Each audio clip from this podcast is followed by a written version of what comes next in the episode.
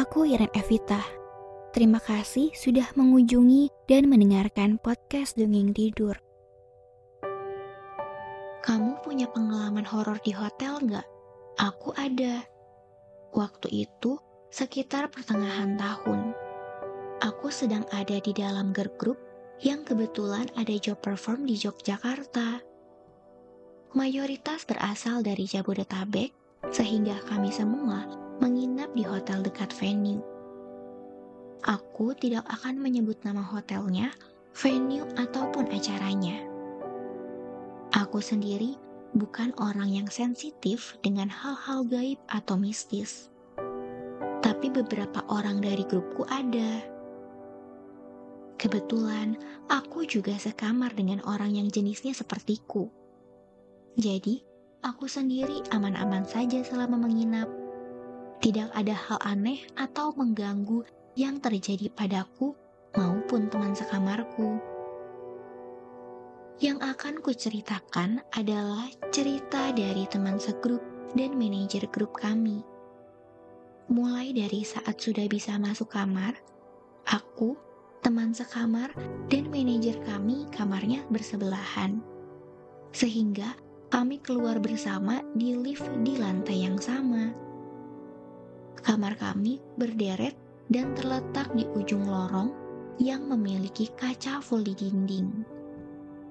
Waktu itu sekitar sore menjelang malam hari.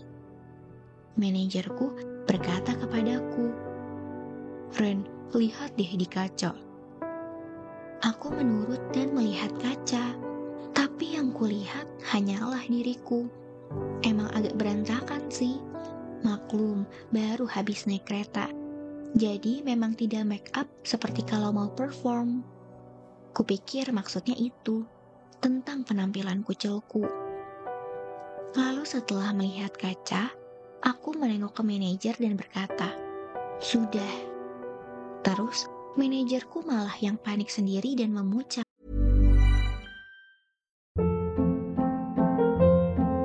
Hold up. What was that? Boring. No flavor. That was as bad as those leftovers you ate all week. Kiki Palmer here, and it's time to say hello to something fresh and guilt-free. Hello Fresh. Jazz up dinner with pecan-crusted chicken or garlic butter shrimp scampi. Now that's music to my mouth. Hello Fresh. Let's get this dinner party started. Discover all the delicious possibilities at hellofresh.com.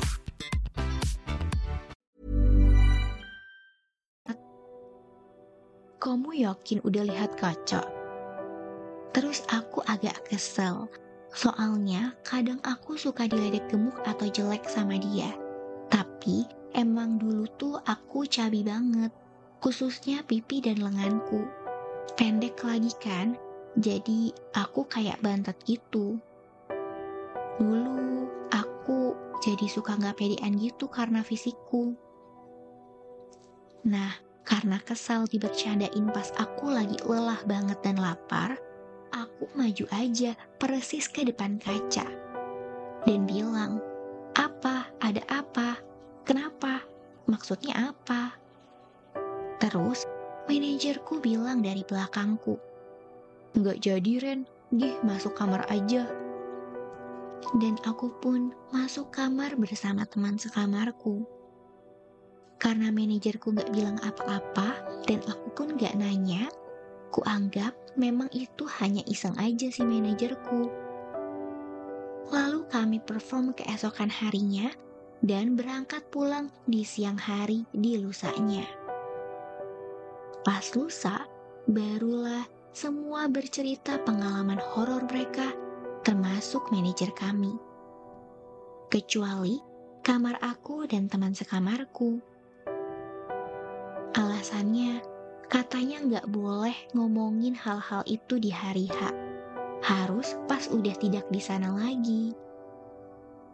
Dimulai dari teman berbeda lantai yang bilang kalau pas tidur tiba-tiba ada roh halus yang menarik selimut bahkan menarik kakinya.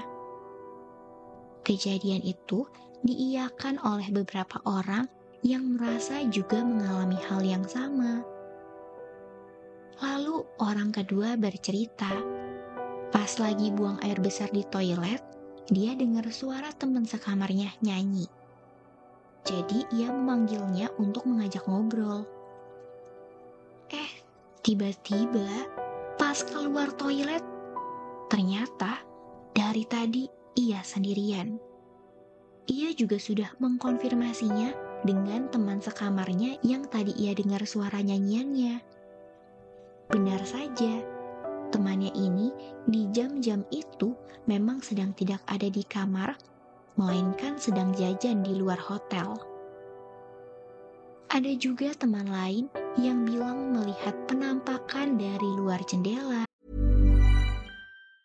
If you thought the only way to get a more defined jawline with natural looking results was through surgery, think again. Juvederm Volux XC is a non surgical injectable gel filler that improves moderate to severe loss of jawline definition and can help you achieve natural looking results with little downtime. Even better, this improved definition lasts up to one year with optimal treatment. No maintenance required. Improve jawline definition for a smooth, sculpted look with Juvederm Volux XC. For important safety information and to find a licensed specialist, visit juvederm.com. That's J U V E D E R M.com. Not for people with severe allergic reactions, allergies to lidocaine, or the proteins used in Juvederm. Common side effects include injection site redness, swelling, pain, tenderness, firmness, lumps, bumps, bruising, discoloration, or itching. There's a risk of unintentional injection into a blood vessel, which can cause vision abnormalities, blindness, stroke, temporary scabs, or scarring. Talk to a licensed specialist to find out if it's right for you. Hold up. What was that? Boring. No flavor. That was as bad as those leftovers you ate all week. Kiki Palmer here, and it's time to say hello to something fresh and guilt-free. Hello Fresh. Jazz up dinner with pecan-crusted chicken or garlic butter shrimp scampi. Now that's music to my mouth. Hello Fresh. Let's get this dinner party started. Discover all the delicious possibilities at hellofresh.com.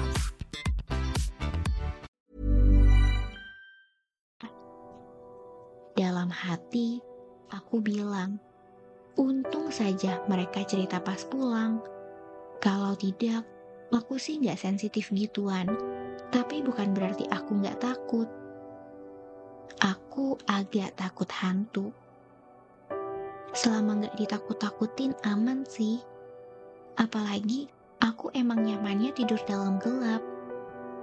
Tapi kalau sudah mendengar cerita atau nonton, apalagi yang based on real life, bisa-bisa imajinasiku ke mana-mana dan takut sendirian.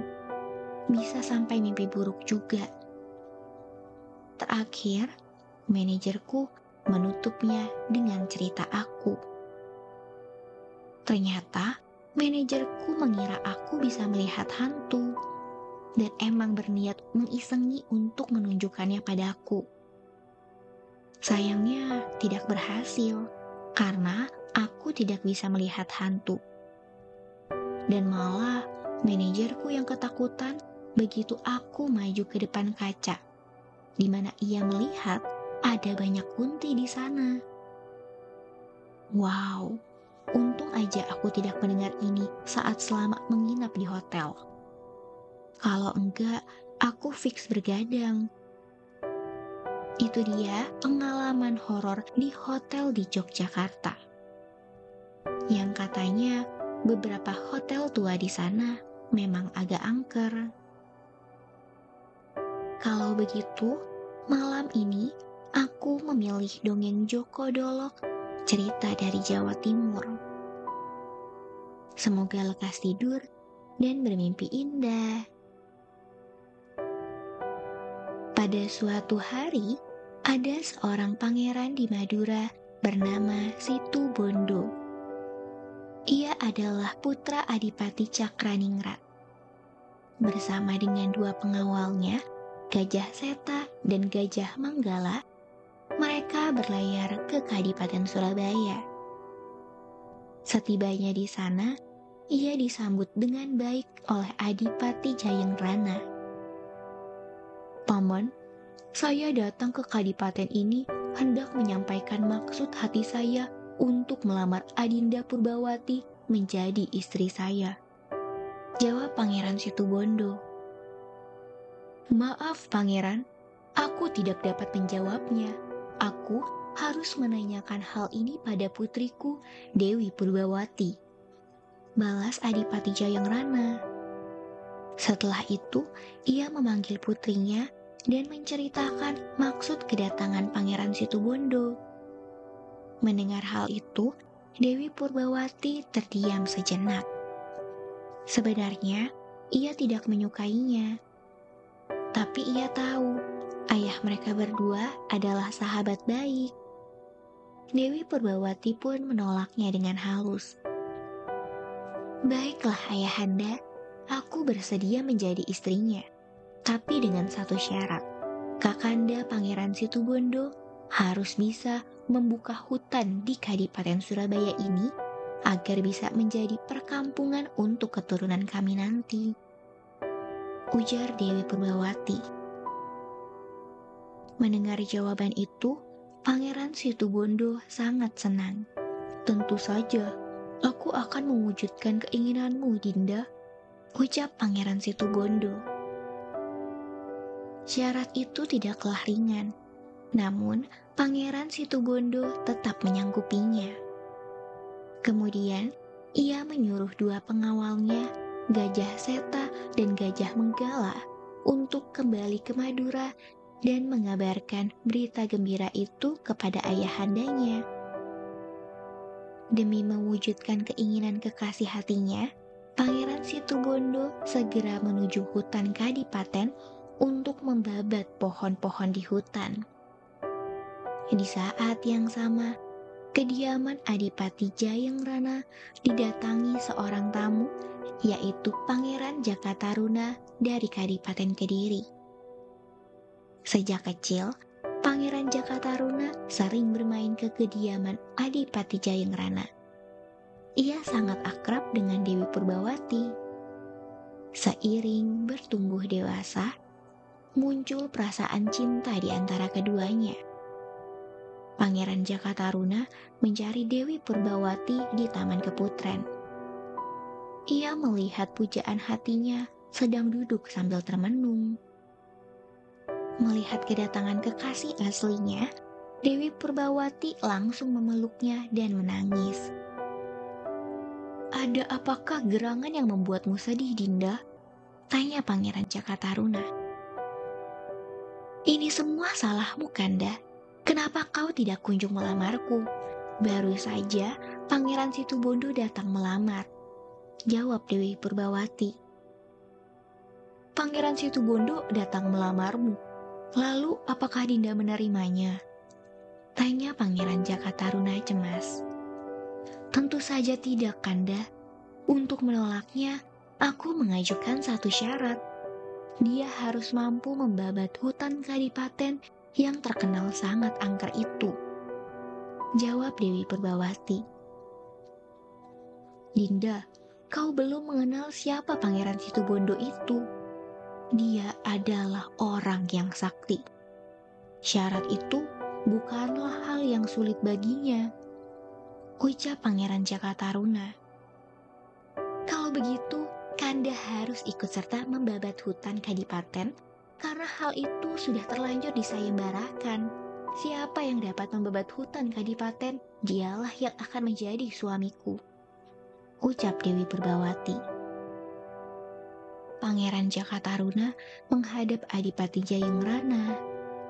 Ia menceritakan bahwa sesungguhnya Dewi Purbawati dan dirinya saling jatuh cinta. Namun, Adipati Jayeng Rana sudah terlanjur membuat sayembara untuk putrinya. Pangeran Jakataruna pun bergegas ke hutan Kadipaten. Tidak jauh dari tempatnya membabat pohon, dilihatnya Pangeran Situbondo sedang sibuk melakukan hal yang sama dengannya. Melihat hal itu, Pangeran Situbondo sangat marah, dan keduanya bertarung demi mendapatkan kekasih hati mereka. Namun, pertarungan itu tampak tidak seimbang. Pangeran Situbondo berhasil memukul Pangeran Jakataruna hingga terlempar sangat jauh dan menyangkut di sebuah dahan pohon yang sangat tinggi. Pangeran Jakataruna berteriak-teriak minta tolong. Namun Pangeran Situbondo berlalu begitu saja dari hutan itu. Pangeran Jakataruna terus berteriak meminta tolong. Kemudian lewatlah seorang pemuda bernama Jaka Jumput yang bertanya mengapa kejadian itu bisa menimpanya. Maka Pangeran Jakataruna menceritakannya. Seandainya aku bisa mengalahkan Pangeran Situbondo, apa imbalannya untukku? Tanya Jaka Jumput. Aku akan memenuhi segala yang kau minta, Jaka Jumput. Jawab Pangeran Jaka Taruna. Setelah itu, Jaka Jumput mencari Pangeran Situbondo dan langsung menantang Pangeran Situbondo. Mereka pun bertarung dengan kesaktian yang sama. Jaka Jumput pun berhasil mengalahkan Pangeran Situbondo.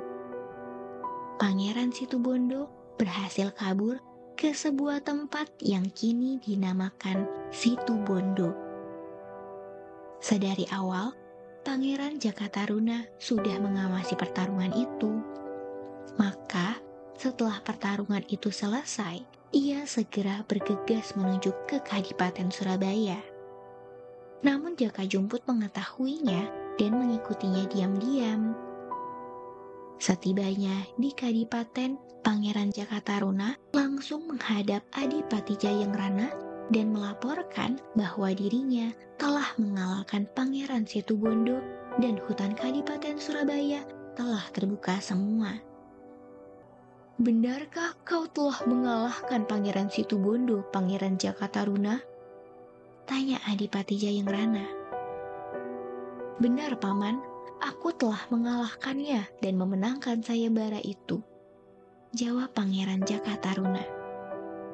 Tiba-tiba terdengar suara Jaka Jumput menyanggah keterangan Pangeran Jaka Taruna. Dia berbohong Kanjeng Adipati. Akulah yang mengalahkan Pangeran Situbondo. Jangan percaya perkataannya, Paman. Dia menginginkan hadiahnya saja. Sanggah Pangeran Jaka Taruna. Aku tidak berbohong kanjeng Adipati, justru dia yang berbohong. Aku membawa bukti keris pusaka milik Pangeran Situbondo sewaktu aku mengalahkannya. Ucap Jaka Jumpu. Hey, it's Danny Pellegrino from Everything Iconic. Ready to upgrade your style game without blowing your budget? Check out Quince. They've got all the good stuff shirts and polos, activewear, and fine leather goods all at 50 to 80% less than other high-end brands. And the best part? They're all about safe, ethical, and responsible manufacturing. Get that luxury vibe without the luxury price tag. Hit up quince.com slash upgrade for free shipping and 365-day returns on your next order. That's quince.com slash upgrade. Adipati Jayangrana segera mengambil keris itu dan memeriksanya. Ia pun mengangguk-angguk membenarkan perkataan Jaka Jumput. Adipati Jayang Rana pun menanyakan bukti apa yang dimiliki Pangeran Jaka Taruna untuk membenarkan perkataannya. Maaf paman, aku tidak punya bukti apa-apa, tapi akulah yang benar-benar telah mengalahkan Pangeran Situbondo. Ucap Pangeran Jaka Taruna. Untuk memutuskan hal itu, Adipati Jayangrana meminta kepada Pangeran Jakataruna dan Jaka Jumput untuk bertarung. Siapa yang menang, dialah yang akan memperistri Dewi Purbawati. Pangeran Jakataruna dan Jaka Jumput pun bertarung.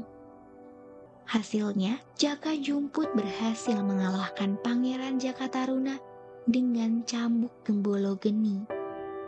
Pangeran Jakataruna pun tergeletak tidak berdaya di tanah. Melihatnya, Adipati Jayangrana berkata dengan marah kepada Pangeran Jakataruna. Apakah kau berusaha menipuku, Pangeran Jakataruna? Mendengar pertanyaan itu, Pangeran Jakataruna hanya terdiam. Ia malu mengakui perbuatannya yang telah berbohong kepada Adipati. Namun, Adipati Jayeng Rana sudah menjadi sangat jengkel. Kemudian berkata kepada Pangeran Jakataruna, Mengapa kau diam saja seperti patung? Tiba-tiba saja, seperti tersihir, Pangeran Jakataruna berubah menjadi patung. Kemudian, hingga kini, patung Pangeran Jakataruna masih dapat kita lihat di depan kantor Gubernur Jawa Timur.